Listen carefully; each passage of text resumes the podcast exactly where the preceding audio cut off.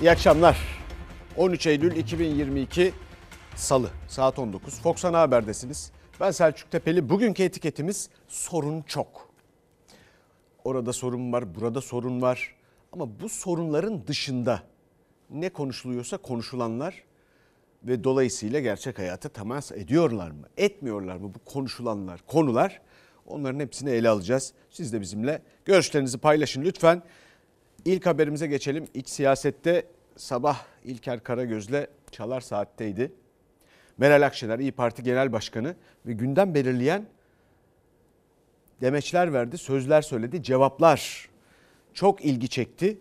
Bakalım hemen özellikle şu cevap bir soruya istinaden verdi. Şu cevap ilginçti tehlikeye atamayız diye hem seçimden hem de Millet İttifakı'nın adayından bahsediyor. Tehlikeye atamayız. Kemal Bey'le ise Kemal Bey'le, başka biriyle ise başka biriyle ama tehlike atamayız. E uzlaşılırsa elbette ki yani. E, niye hazır olmayalım? CHP lideri Kemal Kılıçdaroğlu kazanacak bir aday mıdır kriterlerinizde? Ama yani bu şimdi çok iyi bir soru olmadı.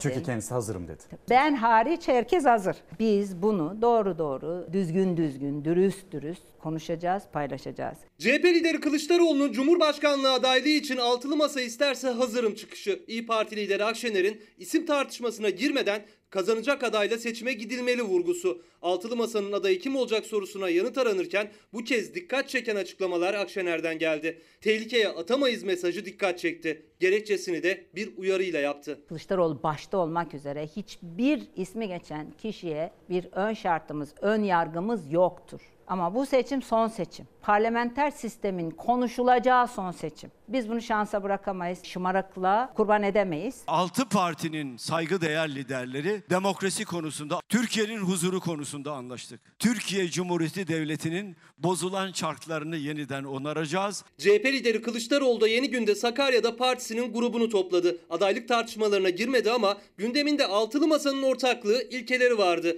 Çalar Saat'te İlker Karagöz'ün konuğu olan İyi Parti lideri Meral Akşener ise aday altılı masadan mı çıkacak sorusuna da karar masadan çıkacak yanıtı verdi. Aday liderler masasından mı olacak? Karar masadan çıkacak. Karar masadan Evet çıkacak. yani adayı altılı masa belirleyecek. Biz bir ortak akıl platformuyuz. Hiçbirimizin özel bir beklentisi, özel bir amacı yok. Amaç bu ülkeye huzuru getirmek. 2018'deki heyecanı, telaşı yapmamamız gerekiyor. Hala tek adayla gidilmenin hem Cumhurbaşkanlığını hem de parlamentoyu kazanmanın önemli bir görevimiz, vebalimiz ve misyonumuz olduğuna inanıyorum ben. Akşener 2018 seçimini hatırlattı. Erdoğan'a karşı kendisiyle birlikte Muharrem İnce, Karamollaoğlu'nun ayrı ayrı girdiği çoklu aday seçimlerinin sonucuna işaret etti. 2023 için ortak aday çıkartılması şart dedi. Cumhurbaşkanı kim olacak tartışmasında bir kez daha Erdoğan'a hedef aldı. Seçmenin tamamını kucaklayacak bir Cumhurbaşkanı seçmeliyiz. Kadınlara sürtük dedi ya. Böyle bir şey olabilir mi? Bu arada AK Partili arkadaşlarıma buradan seslenmek isterim. Sayın Erdoğan'ı diyelim ki seçildi. Artık bıkmadık mı bu revanş işlerinden? Bıkmadık mı bu sert dilden? Gelin makulde birleşelim. Verin oylarınızı bize. Yeter gari. Öyle bir noktaya taşıdılar ki komşunun kimliği, komşunun inancı, komşunun yaşam tarzını sorgulamaya başladık. Kazandıracağım, kazandıracağım. Ne yaparlarsa yapsınlar kazandıracağım. Millet İttifakı'ndan ayrışma, kutuplaşma üzerinden seçim mesajları gelirken Akşener seçim için dillendirilen 14 Mayıs içinse keşke olsa dedi. 6 ay var adayın açıklanmasına, 9 ayda var seçimlere. 14 Mayıs deniliyor. Vallahi harika olur. Keşke olsa. İnönü'ye bağırdılar, bağırdılar bugünkü arkadaşlar. Allah'ım sen ne büyüksün. Çok parti sisteme geçilmiş döneme geri dönüldü. Bir kıymetli izleyicimiz sorun çok ama çözüm bulmak varken biz her konuyu sorun haline getiriyoruz. Patron biziz ama sorunsuz yaşamak gibi bir tercihimiz yok demiş. Türkiye'nin öyle tuhaf bir alışkanlığı var gerçekten. Hükümetlerimiz de böyle davranıyor sürekli. Uçurumun kenarında yaşamaktan başka bir planı yokmuş gibi bu ülkenin. Çok acayip bir şey. Peki siyasetle devam edelim. Bir yandan da Cumhur İttifakı'na dair analizler yaptı Meral Akşener ve biliyorsunuz Cumhurbaşkanı Erdoğan ve Milliyetçi Hareket Partisi Genel Başkanı Devlet Bahçeli HDP üzerinden Millet İttifakı'nı zaman zaman eleştiriyor. Şimdi Meral Akşener de dedi ki öyle bir iddia ortaya attı ki İmralı ile görüşüyorlar ortağına dikkat et. Bizim aldığımız bazı duyumlar var. İktidar Partisi e, İmralı ile görüşme trafiğini başlattığına dair Bahçeli'nin önüne küt diye bir mektup düşer. Ortağına bir dikkat çekmesinde fayda var. İyi Parti Genel Başkanı Meral Akşener, iktidarın İmralı'daki terörist başıyla görüştüğü duyumu var dedi, iki kez tekrarladı.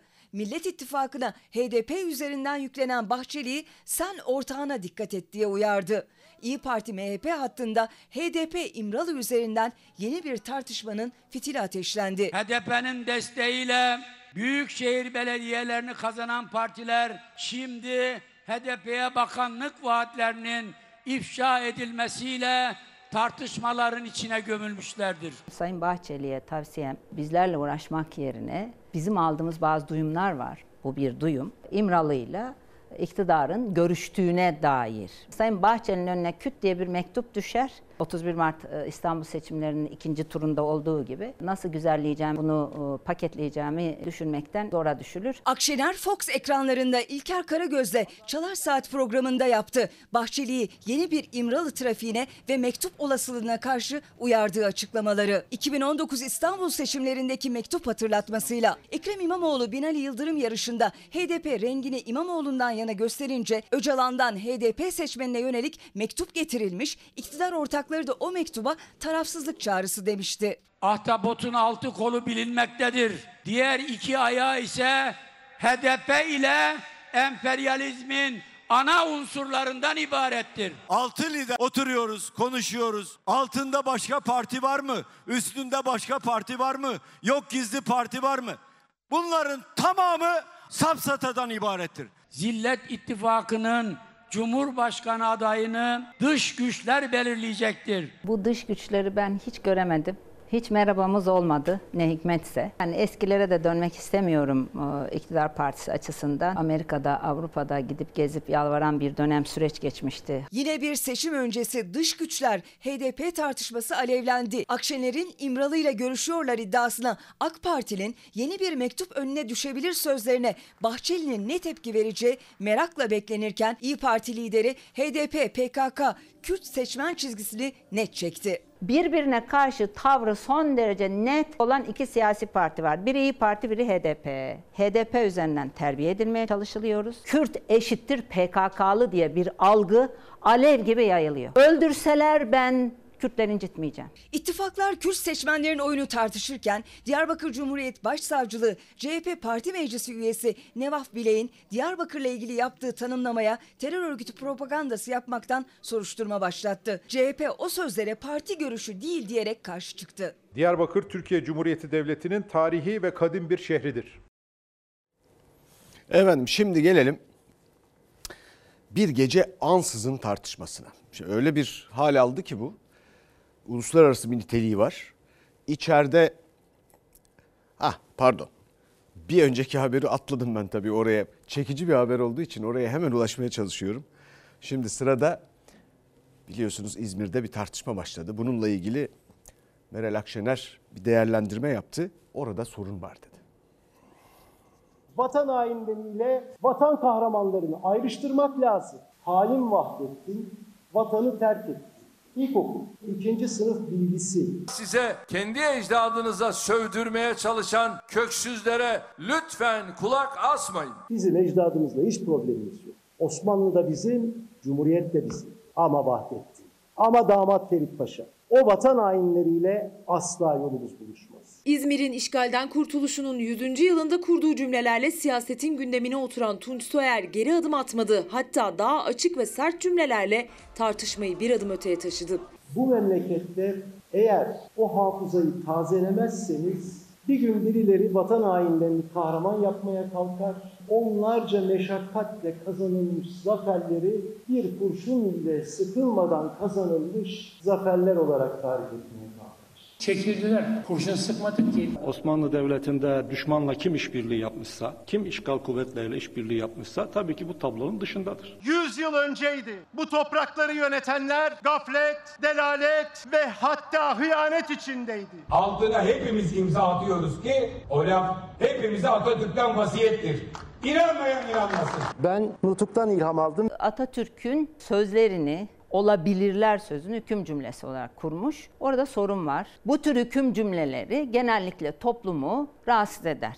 Bu netlikte söylüyorum. Dolayısıyla gerek yoktu. İzmir Büyükşehir Belediye Başkanı Tunç Soyer Atatürk'ün nutuğundan ilham aldım dedi ama sözleri Millet İttifakı'nda da farklı yorumlandı. Bu dönemde Cumhur İttifakı'nın ekonomideki ağırlığın, kötülüğün, işsizliğin kapatılması için ortaya koyabilecekleri her bir hatamızı onlar üstüne tepiniyor. Eksiğimizi, gediğimizi bunlardan kaçınmamız lazım. İlker Karagöz'de Çalar Saat'e konuk olan İyi Parti lideri iktidarın gündem değiştirme çabasına katkı sağlıyor diyerek Soyer'i eleştirdi ama 9 Eylül'de İzmir'de başlayan tartışmanın ateşi büyüdü. 5. gününde İstanbul'a da sıçradı. Kraliçe öldü başınız sağ olsun. Meclisi gelmeyelim Doğan Bey. Bir saat 45 dakika sonra. Dedelerimiz savaşta Arkadaşlar, orada lütfen kan rica dökerken ediyorum. Vahdettin mesela örnek aldığınız lider İngiltere'ye kaçmıştır. İngiliz gemisiyle kaçmıştır. Ki Vahdettin ki bu devletin son padişahıdır ve bu topraklardan cebinde tek bir kuruş olmadan sürgün edilmiştir. Devletin birliği ve beraberliği için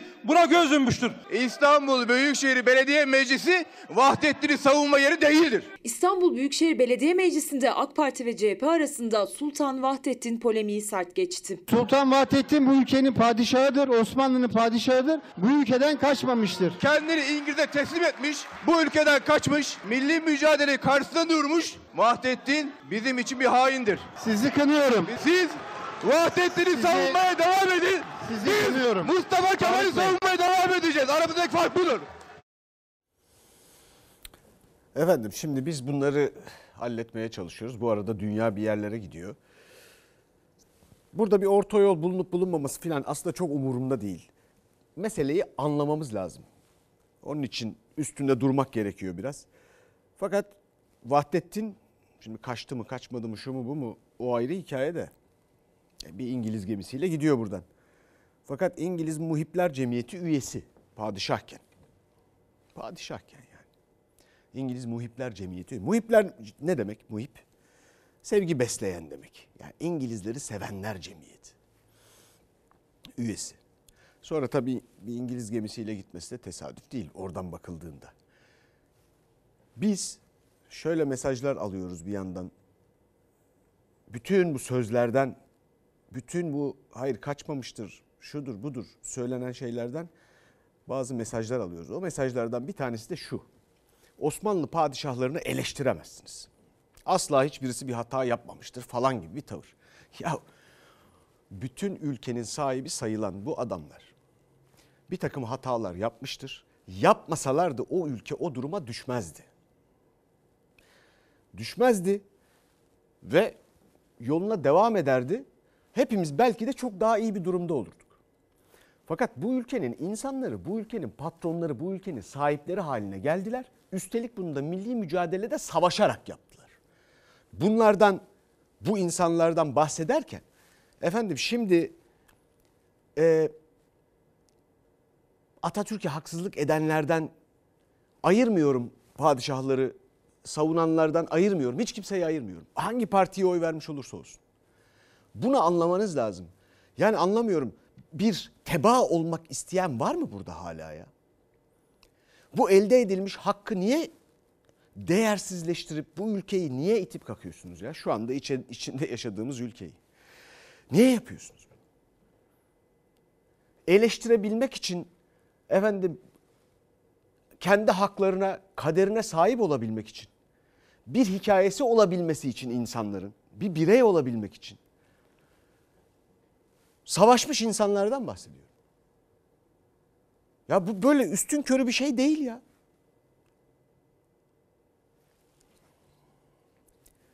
Bu hikaye daha belli ki epeyce uzayacak daha konuşuruz. Şimdi geldik o bir gece ansızın tartışmasına.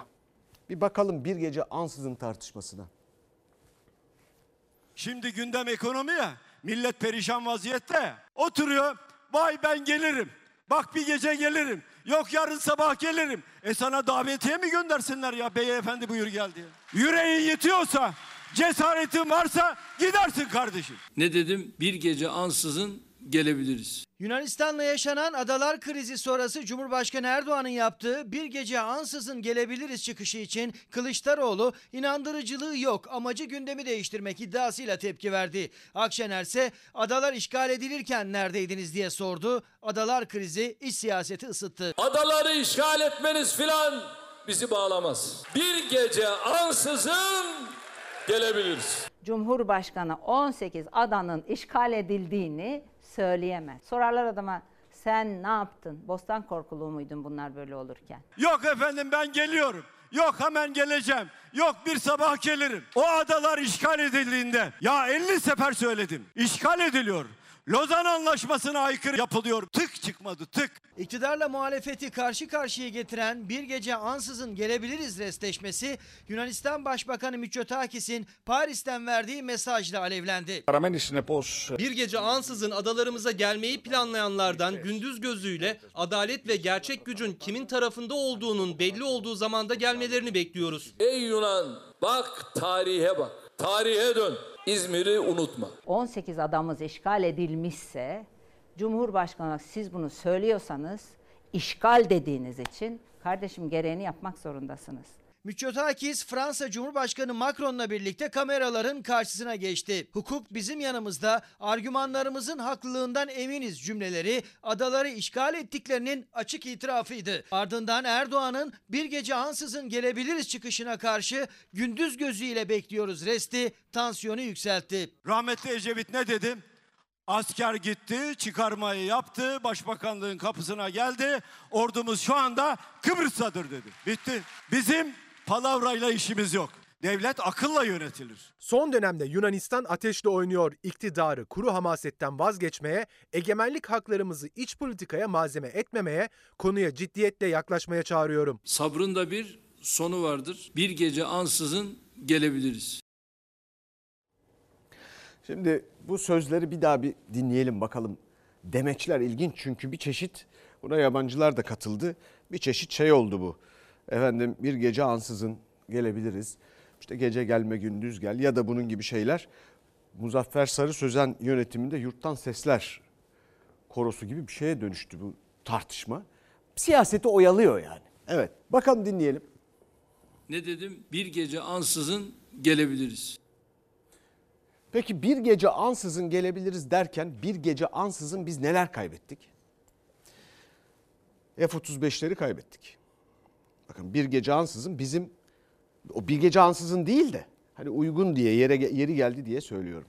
Üzerinde Türk bayrağı olan, Türk pilotları olan F-35'ler. Belki de onları aldılar o bayrakları sildiler Türk bayraklarını Yunanistan'a verdiler. Geçtim verdiğimiz parayı 20 küsür senemize harcamışız. 12 milyar dolar gelirimiz var. Şimdi de bakıyorum ben medyanın bir bölümünde diyorlar ki zaten o uçaklar yaramaz şu bu. Ya arkadaş o başka konu. Öyle değil ama. Plastik araba olsa 20 senesini bu ülke harcamış, dünyanın parasını yatırmış bu işe. İsterim onu ya. Bunun hesabını sormayacak mı? Sizin cebinizden çıktı. Bu arada adalar silahlandı. Bu arada efendim başka böyle bir sürü, bir sürü şey oldu. Evet. Ey Yunan bak tarihe bak. Tarihe dön. İzmir'i unutma. İzmir'i unutma. E? Peki İzmir'den yaşanan tartışma ne ki? Şimdi İzmir'den bir tartışma yaşanıyor. İzmir'i unutma da İzmir'in en önemli aktörlerini, figürlerini, kahramanlarını hem unutuyoruz. Unutuyor iktidar. Bir, bir aynı iki gün içinde ve aynı gün içinde ya. Çok acayip yani. Böyle çelişkili ifadeler kullanabiliyor. Atatürk'ten bahseden yok. Bakıyorsun o taraftan. Ama sonra Yunan'a gelince İzmir'i unutma. Evet. Kılıçdaroğlu'nu da dinleyelim. Vay ben gelirim. Bak bir gece gelirim. Yok yarın sabah gelirim. E sana davetiye mi göndersinler ya beyefendi buyur gel diye. Şimdi burada tabii Miçotakis'in de yaptığı bir şeyler var. Çıkışlar yapıyor. Mesela gece gelme gündüz gel işte başka şeyler söylüyor. Ee, işte Türkçe dayılık yok dedi geçen. Macron'la görüştü Paris'te. Şimdi oradaki havasını da izleyeceğiz şimdi ama merak ettiğim şu. Dünyanın silahını aldı Yunanistan. Bütün hava kuvvetlerini modernleştirdi. O F-35'ler filan onlar da gidiyor oraya. İşte F-16'lar biz hala işte satın almak için yalvarıp bekliyoruz. Merak ettiğim şu. Şunu da kimse düşünmüyor. Madem böyle ateşle oynuyor Yunanistan sürekli aman bakın hata ediyorsunuz. İşte şöyle yaparız böyle yaparız diyoruz. Ya Yunanistan'ın biti niye kanlandı? Hadi bir de bunu düşünün bakalım. Sizin hatalarınızdan dolayı olabilir mi? Bakalım Paris'teki görüşmeye. Ha, o burada tabii doğru sosyal medyada. Cette solidarité concrète, nous ne l'oublierons pas. Je suis heureux de vous. Je suis heureux de. Nous avons ensemble contre.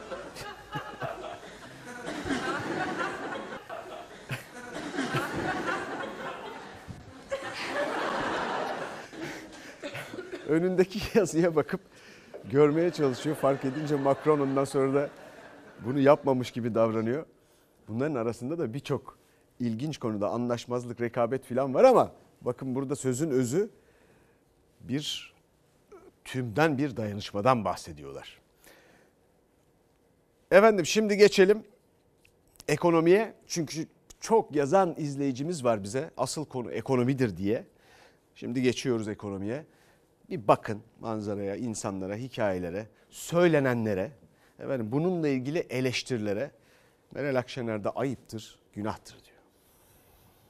70 üzeri bir hanımefendi geldi kulağıma eğildi. Dedi ki iki gündür yemek yemedim. Vallahi doğruyu söylüyorum. Açım dedi. Ne hissediyorsunuz peki siz ya ben bunları ölüyorum duyduğunuzda? kardeşim ya ölüyorum. Duygulanarak anlattığı İYİ Parti lideri Akşener, Türkiye'nin dört bir yanında şahit olduğu yoksulluğu. Anlatırken gözleriniz doluyor. da o Yani yüzden. dönerciye bir, hemen yakında bir döner şey var. Arkadaşlar oraya get, götürdüler. Ertesi gün içinde döner almış yanına. Demiş ki iki yıldır mı üç yıldır mı hiç ağzıma böyle bir şey koymamıştım. Ben bunu sabah da yerim. Biraz fazlacana koyabilir misiniz oğlum? 3500 lirayla gıdaya erişmekte bile zorlanan emeklinin 5500 lirayla asgari ücretle çocuk okutmaya çalışan annelerin, babaların halini, gördüklerini, duyduklarını İlker Karagöz'le Çalar Saat'te uzun uzun paylaştı Akşener. Ümraniye'de bir genç kadın geldi. Yanında şöyle şu 11 yaşlarında bir çocuk. Abla dedi oğluma şey alamadık okul kıyafeti. Ayakkabı da alamadık. Bir baktım o böyle naylon terliklerden çocuğun ayağında. Bir yanda dar gelirli milyonlar, diğer yanda tam tersi bir tablo çizen iktidar. Ekmek 1 lira alamıyorsunuz. Ama ekmek 5 lira olmuş. Alabiliyorsunuz çok rahat.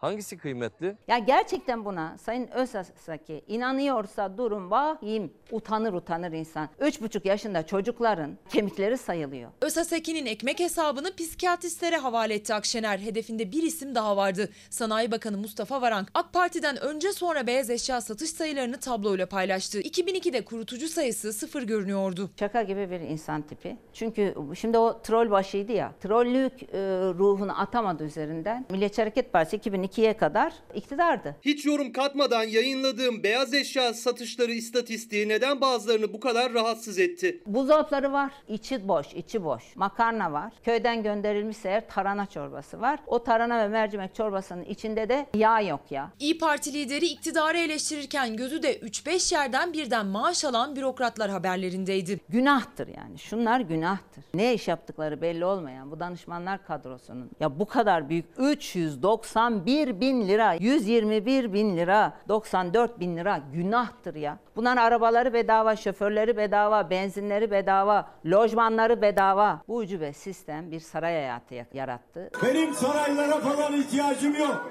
Mütevazi halk gibi yaşarım ben. Millet İttifakı ortağı Kılıçdaroğlu da Sakarya'dan verdi mesajlarını. Seçim yaklaşırken liderlerin de en önemli gündemi ekonomi. Beşli çeteye değil millete vereceğiz. Araya adam koyuyorlar.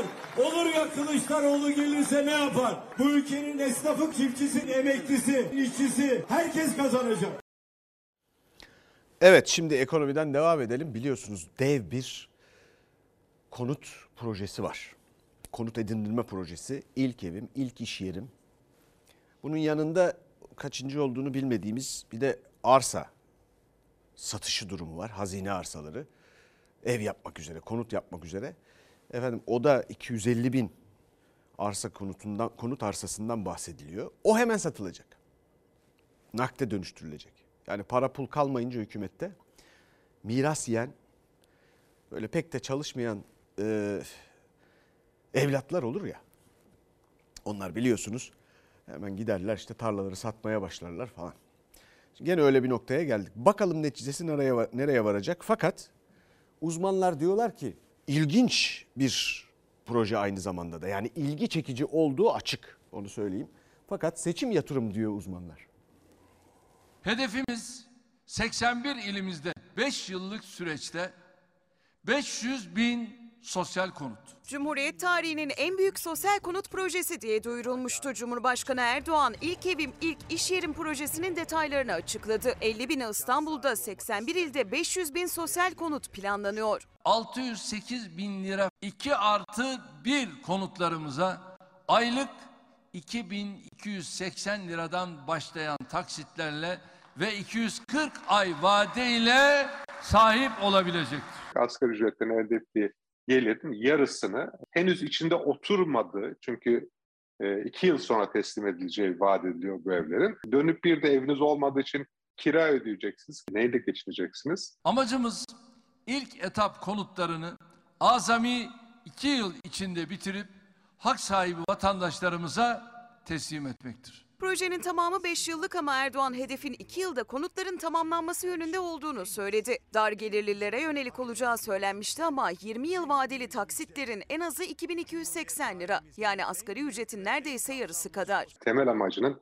vatandaşı uygun maliyetlerle konut sahibi yapmak olmadığı anlaşılıyor. Seçimlerden önce seçmen algısını etkilemeye yönelik olduğu anlaşılıyor. Ülkenin tamamında ev ve kira fiyatlarını düşüreceği gibi vatandaşlarımızın konuta erişimini de kolaylaştıracaktır. Siz milyonlarca konut yaparsanız konut fiyatlarını etkileyebilirsiniz ben bu projelerin tamamlanma ihtimalinin olmadığını düşünüyorum. Uzmanlara göre 81 ilde 500 bin konut piyasadaki fiyatların düşmesine yetmeyecek. Başvurular çarşamba günü alınmaya başlayacak, Ekim ayına dek sürecek. İlk temel ise yıl başında atılacak. Başvurabilmek için hane gelirinin İstanbul'da 18 bin lirayı, diğer illerde ise 16 bin lirayı geçmemesi gerekiyor. Projenin %20'si de 18-30 yaş arası gençlere ayrılacak. En çok dikkat çekense sadece konut değil, 250 binde konut amaçlı arsanın satışa sunulacak olması. Düşük gelir grubuna mensup vatandaşlarımıza şehirlerin çeperlerinde kendi evlerini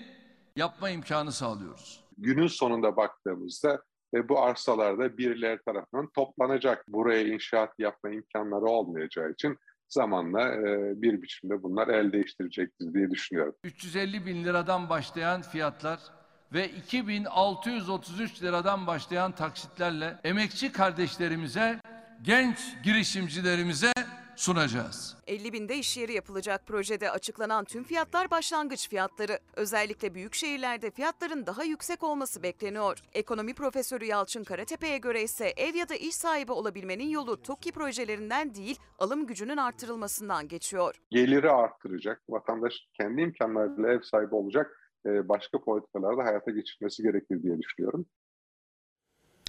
Efendim biliyorsunuz biz iki anahtardan ki onu da borçlu harçlı almıştı sonra ekonomi öyle de çöktü. Bir siyasi vaatti. Şimdi ekmek hesabına geldik. Efendim bu açlıktan bahsediliyor. Türkiye gibi bir ülkede bundan bahsediliyor filan. Biraz önce haberi izlediniz. Herkes inşallah ev sahibi olur. İnşallah olsun. Fakat izleyicilerimizden gelen mesajlara bakılırsa mesela bir izleyicimiz diyor ki emekli 3500 lira maaşla kirasını falan da ödeyemiyor. Bu evlerden nasıl alacak? O taksitleri nasıl ödeyecek? Bir de bunların peşinatları var. Ben işte 60 bin 800 lirayı nereden bulacağım filan diyor. Ama tamam bir proje ve üstelik de 25 yıl borca gir 25 yıl öde. Siyaseten seçim yatırımı olmasında da bir sakınca yok. Siyaset böyle bir şeydir. Fakat borçlanıp uzun süre aynı iktidarla birlikte yaşayıp gidelim diye bir plan bu bir taraftan. Tamam ama konut neyse. Fakat bu konutları şimdi yapmaya kalkıp aslında bir değer de üretmeden 1.4 trilyon bir şey, milyar bir şey diyorlar yani buradan öyle bir değer çıkacakmış diye. Öyle bir değer değil bu. İnşaat gene. 60 milyar dolarlık inşaat şey yaptık. Beton döktük bir yere varamadık. Hala konut sorunumuz var. TOKİ bunu çok daha evvelden yapmalıydı. Oysa Türkiye'deki bütün konut meselesinin arzının ayarını bozdu TOKİ. Niye? Her yerde arsa fiyatlarını yükseltti. Lüks konutlar yaptı. Sözde oradan para kazanacak. E, dar gelirliye ev yapacaktı. Hiç öyle olmadı. Dar gelirli yine evsiz kaldı. Şimdi sözde buradan ev sahibi olacaklar. Fakat bir mesele var. Bakın bu konunun bir tarafı var ki şu arsa meselesi. Bence bu konut tarafı arsa meselesinin kamuflajı gibi. Paketi, hediye paketi gibi. Çünkü konutların yapımı sürecek. İki yıl deniyor. Bilmiyorum ne kadar sürer. Fakat bu arsalar hemen satılmaya başlayacak. Arsadan para gelecek. Arsa dediğiniz kentlerin çeperlerinde denilen yerler tarım arazileri. Olabilecek yerler ya da bunlar hazine arazileri falan filan. Bunları tam da uzmanın söylediği gibi birileri toplayacak. Kim gidip inşaatını yapacak? Ya da hemen oralara inşaat başlayacak filan. Sonra efendim domates şu kadar, biber bu kadar fiyatı. E bir yandan da bu memlekette dört konuttan biri boş. Hali hazırda bunlar yapılmış duruyor. Bunları versenize insanlara. Bunun için bir plan geliştirsenize. Ne bileyim bir yolunu bulun. Hem o müteahhitleri batmış adamlar satamıyorlar. Alır olmaz yerlere yapılmış o konutlar. Hem onları kurtarın bir yolunu bulun. Bu zehirli varlıklar bunlar. Hem de insanlara konut verin. Niye hilelerini yapmaya çalışıyorsunuz? Bunlar e, işte bunlar şey rakamları, TÜİK rakamları bunlar ya. Türkiye'de her dört yeni konuttan biri boş diyor TÜİK ya. Her dört yeni konuttan 2013 sonrası yapılmış. Devam ediyoruz. Efendim şimdi öğretmenlerimiz biliyorsunuz onlar da dertlerini anlatmaya çalışıyorlar. Sorun çok. Bir takım sözler söylendi. Ondan sonra o sözleri söylemedikleri söylendi bakanlar tarafından. Öğretmenleri incitmeyin.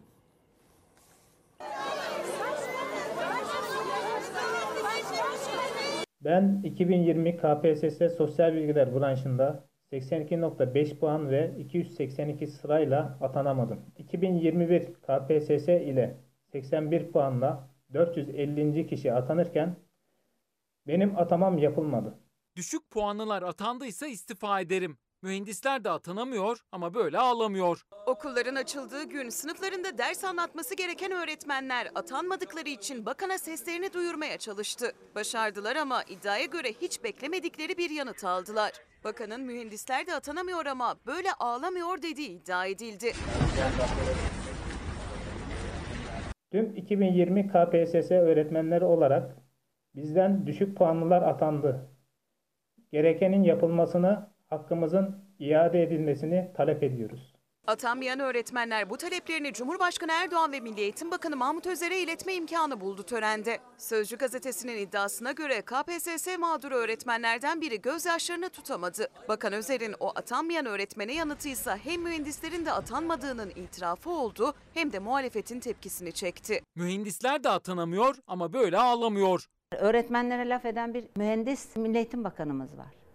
Ya böyle bir şey olabilir mi? İyi Parti Genel Başkanı Meral Akşener bakanın da mühendis olduğunu hatırlattı. CHP Genel Başkanı Kemal Kılıçdaroğlu ise Cumhurbaşkanı Erdoğan'a seslendi sosyal medyadan. Dünden beri Milli Eğitim Bakanı'nın ataması yapılmayan öğretmenlere çok ağladığınız dediği konusunda açıklama bekliyorum. Erdoğan sen bunları sayıyla mı buldun? Hepsi birbirinden beter bunların. Sayın Bakanımız söz konusu öğretmen adaylarının KPSS 2020'ye ilişkin görüş ve önerilerini dinlemiş, gerekli açıklamaları yapmış ve incitici mahiyette herhangi bir ifade kullanmamıştır. Milli Eğitim Bakanlığı'ndan incitici ifade kullanılmamıştır açıklaması geldi ama Ankara'da öğretmenlere polis şiddetinin tepkileri dinmemişken Bakan Özer bu kez de atanmayan öğretmenlere yaklaşımıyla gündemde kalmaya devam ediyor.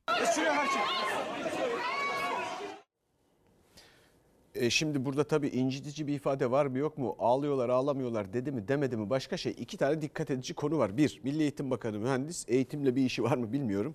İki, demek ki mühendisler de atanamıyor. Her gün burada biz kıymetli izleyicilerimizden o kadar çok mesaj alıyoruz ki bu ikisinin altını bir daha çizelim ve şimdi üniversitelere gidelim. Akademi dünyası ayakta çünkü Boğaziçi Üniversitesi'nde birkaç gün sonra bir Nobel komitesindeki bir profesörün gönderilmesinden birkaç gün sonra yeni bir olay yaşandı.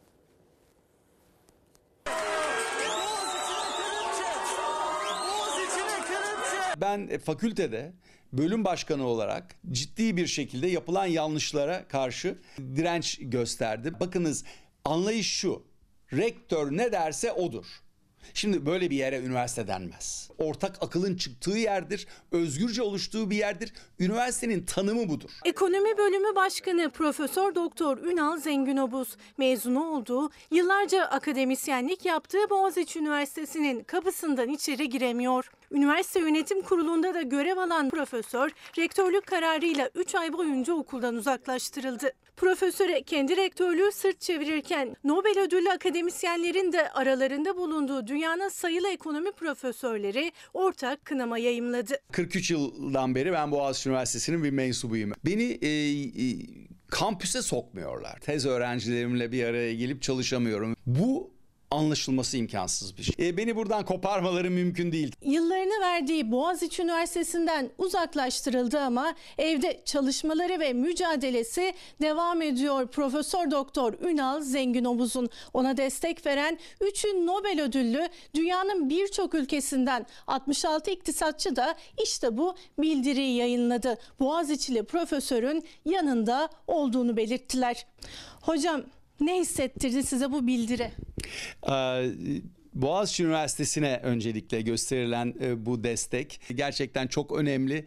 E, akademisyenliğin tanımı kendilerine çok teşekkür ediyorum. Akademik yönetim konusunda tecrübesi olmayan birisi e, bodoslama, e, bilmediği konularda tasarruflar yapmaya ve ayrıca kadrolaşmayı hızlandırmaya e, çalışıyor.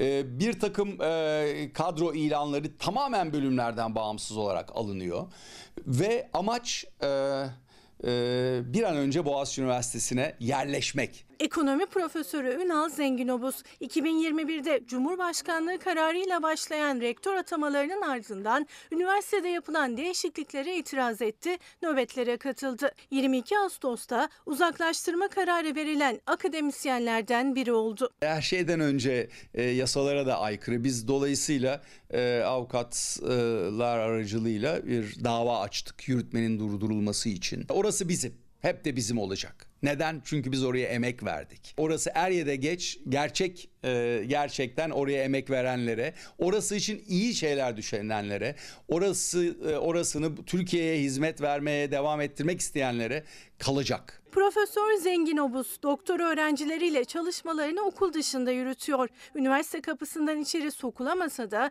öğrencilerin sorunlarını yakından takip ediyor. Bakınız şu an Boğaziçi Üniversitesi'ni kazanan Türkiye'nin en değerli öğrencileri yurt bulamadılar. Kadın öğrencilerimiz tamamen açıkta bırakılıyor. Bunları becerecek bir yönetim tecrübesi yok. Bizim karşı çıktığımız bunlar. Ekonomiyi, üniversiteleri hepsini e, Nurettin Nebati'nin ki o da galiba doktor filan gibi bir titri de var. Işıltılı gözlerine evan edin gitsin bakın geldiği misal bu. Böyle ekonomi profesörlerini de okullardan uzaklaştırın. Bir yere varabilirsiniz. Ha ben bunu bu arada bu ülkede karar vericilere söylemiyorum. Affınıza sığınarak size söylüyorum. Hangi partiye oy vermiş olursanız olun diyorum bakın. Eğer üniversitelerde özgürce düşünen, fikir üreten insanlar olmazsa zengin olma ihtimaliniz yoktur. Hatta şöyle söyleyeyim fakirlikten kurtulma ihtimaliniz de yoktur. Ev sahibi olma ihtimaliniz de çok zordur. Yani bütün bu projelere rağmen niye? E çünkü o evlerin fiyatı sizden hep kaçacak, alım gücü hep düşecek. Çünkü ekonomi doğru yönetilemeyecek. Çünkü fikirler üremeyecek. Efendim şimdi Boğaziçi'nde bir de yurt krizi var. Öğrencilerin de sorunları var. Ben de Kandilli yurduna yerleştirildikten sonra tekrar yurttan çıkarılan 277 kız öğrenciden biriyim. Barınma sorunumuza bir çözüm getirmelerini istiyoruz. Onlar Türkiye'nin en başarılı öğrencileri arasında. Yıllarca emek verip çalıştılar. Boğaziçi Üniversitesi'ni kazandılar ama barınma sorunuyla karşı karşıyalar. Üniversite yurduna yerleştik diye sevinirken Kandilli'deki o yurttan çıkarıldıklarını öğrendiler. 530 kişilik Kandilli yurdumuzun tamamı erkek öğrencilerimize tahsis edilecektir. Boğaziçi Üniversitesi'ni kazanıp üniversitenin kendi Kandilli'deki yurduna yerleşen öğrencilere bir e-postayla o yurdun artık erkek öğrencilere tahsis edildiği, orada kalamayacakları bildirildi. Yer olaraksa Gençlik ve Spor Bakanlığı'na bağlı KYK yurtları gösterildi. 11 Eylül'de yeni bir açıklama yayınlandı Ve başta hiç olmadığı söylenen yurt sorununun çözümü adına kız öğrencilerin kandil yurtlarından çıkarılıp yerlerine erkek öğrencilerin yerleştirileceğini öğrendik. Ee, Kız öğrenciler için bulunan çözüm ise etraftaki KYK yurtlarına yerleştirmekti. Boğaziçi Üniversitesi'ni kazanan 277 kız öğrenci yurda yerleşmeye hazırlanırken Kandilli yurdundan çıkarıldıklarını öğrendi. KYK yurtlarına yönlendirildiler ama endişeleri katlandı. KYK yurtlarıyla iletişime geçtiğimizde yurt müdürlüklerinin bu durumdan haberi olmadığını öğrendik ve bu durumda da doğal olarak çok endişelendik. Öğrencilerin iddiasına göre yurtların öğrencilerden haberi yoktu. Üstelik KYK yurtlarına kayıtlar da sona erdi. Türkiye'nin en iyi devlet üniversitelerinden biri olan Boğaziçi Üniversitesi'ni derecelerle yazıp mağdur durumda olduğumuz için çok üzgünüz. Değişikliğe gidilen yurtlarımız 15 Ekim itibariyle hazır olacağından İngilizce hazırlık eğitimleri bu tarihe kadar online olarak devam edecektir. Yaşanan yurt sorunu nedeniyle yüz yüze eğitimleri de ertelendi Boğaziçi Üniversitesi öğrencilerinin. Yıllardır kurdukları üniversite hayali ve heyecanı yerini tedirgin bir bekleyişe bıraktı. Eğitimimiz online'a alındı ve yani hepimiz gerçekten çok şaşkınız, üzgünüz. Ne yapmamız gerektiğini bilmiyoruz. Şimdi ortalığı karıştıran da bir iddia var. Yol için, yol yapımı için peri bacaları yıkılıyor mu? İş makinesi değil buraya arabanın girmesi dahi yasaklanmalı. Ama maalesef gördüğünüz gibi tamamen peri bacaları yok edilmekte. Tarih bunu affetmeyecek. Bu millet bu yaptığınızı affetmeyecek. Tüm tepkilere rağmen birinci derece sit alanı olan Kapadokya'da iş makineleri çalışmaya devam ediyor. Muhalefete göre yol çalışması nedeniyle peri bacaları zarar görüyor. Para için, para hırsınız için peri bacalarını yıktırıyorsunuz. Yazıklar olsun size. Binlerce yılda oluşan peri bacaları yok edilmekte yol uğruna. Kapadokya UNESCO Dünya Mirası listesinde peri bacalarıyla tarihiyle dünyada eşi benzeri yok. Turizmin de göz bebeği ancak geçen ay yol yapım çalışması başlatıldı. Amaç alanı düzleştirip tur otobüslerinin bölgeye girişini kolaylaştırmaktı ama göremeden Ortahisar'a uzanan o güzergahta çok sayıda peri bacası ve tarihi yapı iddiaya göre tahrip edilmeye başlandı. Alternatif yol güzergahları vardır ama o güzergahlar denenmeden plansız programsız şekilde yol yapılmakta. Burada iş makineleri çalışmaktadır. Bölgemizdeki kaçak yapılarla mücadele kapsamında önceki yıllarda izinsiz yapılmış kaçak VC üniteleri Kapadokya Alan Başkanlığı'nın emirleri doğrultusunda kaldırılmaktadır. Olay tamamen bundan ibarettir. Nevşehir Ortahisar Belediyesi'nden iddialara yönelik açıklama geldi. İzinsiz yapıların kaldırıldığı savunuldu. CHP Nevşehir İl Başkanı Kamil Gülmez ise iş makinelerinin birkaç metre ötesinden seslendi. O açıklamanın endişelerini dindirmediğini söyledi. CHP Genel Başkan Yardımcısı Ali Öztunç da yol güzergahının değiştirilmesini istedi. Şu karşıda gördüğünüz peri bacaları gibi peri bacası vardı burada. O peri bacası yok edilmiş. Kayalar bu şekilde yolun alt tabakasına tamamen e. Yapmayın, etmeyin, eylemeyin. Milyonlarca yıl içerisinde oluşan peri bacalarına kıymayın. Şimdi bir sağlık çalışanının, bir hekimin ameliyat ipiyle ilgili bir çekimi var. Sağlık sistemi dikiş tutmuyor dedik biz de. Hepsini tek tek denedim. Sağlık ne yazık ki bir e, ticari alan haline getirildi. Siz e, ne kadar kar ederseniz o kadar iyi mantığıyla hareket edildiği için e, ne yazık ki kullandığımız tıbbi malzemelerde istediğimiz nitelikte değil. Ameliyatlarda kullanılan tüm tıbbi malzemelerin kaliteli olması gerekirken bir doktorun ameliyathanede çektiği görüntü tam aksini gösteriyordu. Apandisit ameliyatına giren doktor kesiyi kapatmak için sağlam dikiş ipi bulamadı, isyan etti. İsyanını hem görüntülü hem de yazılı olarak kaydetti. Sağlıktaki çürüme ameliyat masasındaki dikiş ipine kadar uzandı. Hasta ameliyat masasında yatıyor, sağlık görevlisi sağlam dikiş ipi arıyor. Görüntü ve tutanağı paylaşan, kendi de tıp doktoru olan CHP milletvekili Mustafa Adıgüzel. Hekimler tarafından ulaştırıldı ona da. Son dönemde doktorların güçlükle yürüttükleri mesleklerinde bir de malzeme sorunu yaşadıklarını iddia ederek. Son örnek Adıyaman Besni Devlet Hastanesi'nde yaşandı. Genel cerrah operasyon sırasında 12 ip denedi, hepsi çürük çıktı. Ardından yeni ipek ameliyat ipi açıldı. 55 ip daha koptu doktor ve hemşirelerin elinde. Sağlam ip bulununcaya kadar sürdü ameliyat ekibinin ip testi. Sonra demesinler o öyleydi bu böyleydi diye. Al bu da de, de, belgesi çürük iplerin. Sonra bu dikiş ipiyle dikilen yara niye dikiş attı? Niye iltihap kaptı? Muhalefet görüntülere ses yükseltirken Türk Tabipleri Birliği sağlıkta özelleşme ve ihalelerde kar amacı güdülmesinin sonucu dedi. E, Şartname hazırlanıyor. Şartname hazırlandıktan sonra ihaleye çıkıyor. Firmalar teklif veriyor. Ama buradaki en büyük sorun büyük ihtimalle belki burada da böyle olmuş olabilir. En düşük fiyatı veren malzeme alınıyor. Çoğu zaman niteliksiz bir malzeme oluyor veya biz kullanırken e, ciddi sıkıntı yaşıyoruz veya hastalar sıkıntı yaşayabiliyor. Ama siz kaynakları nereye gönderiyorsunuz? Şimdi ben bunu sorsam bu Sağlık Bakanı'na. Bunu da biliyorum ki cevapsız bırakacak. O yüzden sormuyor. Kamuoyunun bilgisine sunuyorum. Milletvekili soru önergelerine yanıt gelmiyor diyerek görüntüyü kamuoyuyla paylaştı. Sağlık Bakanı değil ama Sağlık İl Müdürlüğü üzerinden hastanenin başhekimliği bir açıklama yaptı. Ameliyatlar için satın alınan iplerle ilgili diğer hastanelerden olumsuz bir durum bildirilmediğine değinildi. O hastanedeki durumu incelemek üzere ayrıca müfettiş görevlendirildiğini açıkladı. Doktorlarsa tüm zorluklara rağmen açılan yaraları kapatmaya devam ediyor. Aynısını bakanlıktan da bekliyor. Şimdi siz birazdan ameliyata gireceksiniz. Diyelim Evet. ki bu olay sizin başınıza geldi. Mecburen e, mevcut olanla e, kapatacağım. Başka çare yok çünkü. Yani- E, açtığınız yarayı kapatmak durumundasınız çünkü. Sorun çok. Şimdi reklam arası. Herkes birçok yönden haykırıp duruyor. Efendim aslında güncel olmayan konular çoğu. Ama bir yandan da her gün yeni zamlarla karşılaşıyoruz. Mesela bugün İstanbul Büyükşehir Belediyesi maliyetleri gerekçe göstererek suya zam istedi. İBB meclisi de olağanüstü toplandı.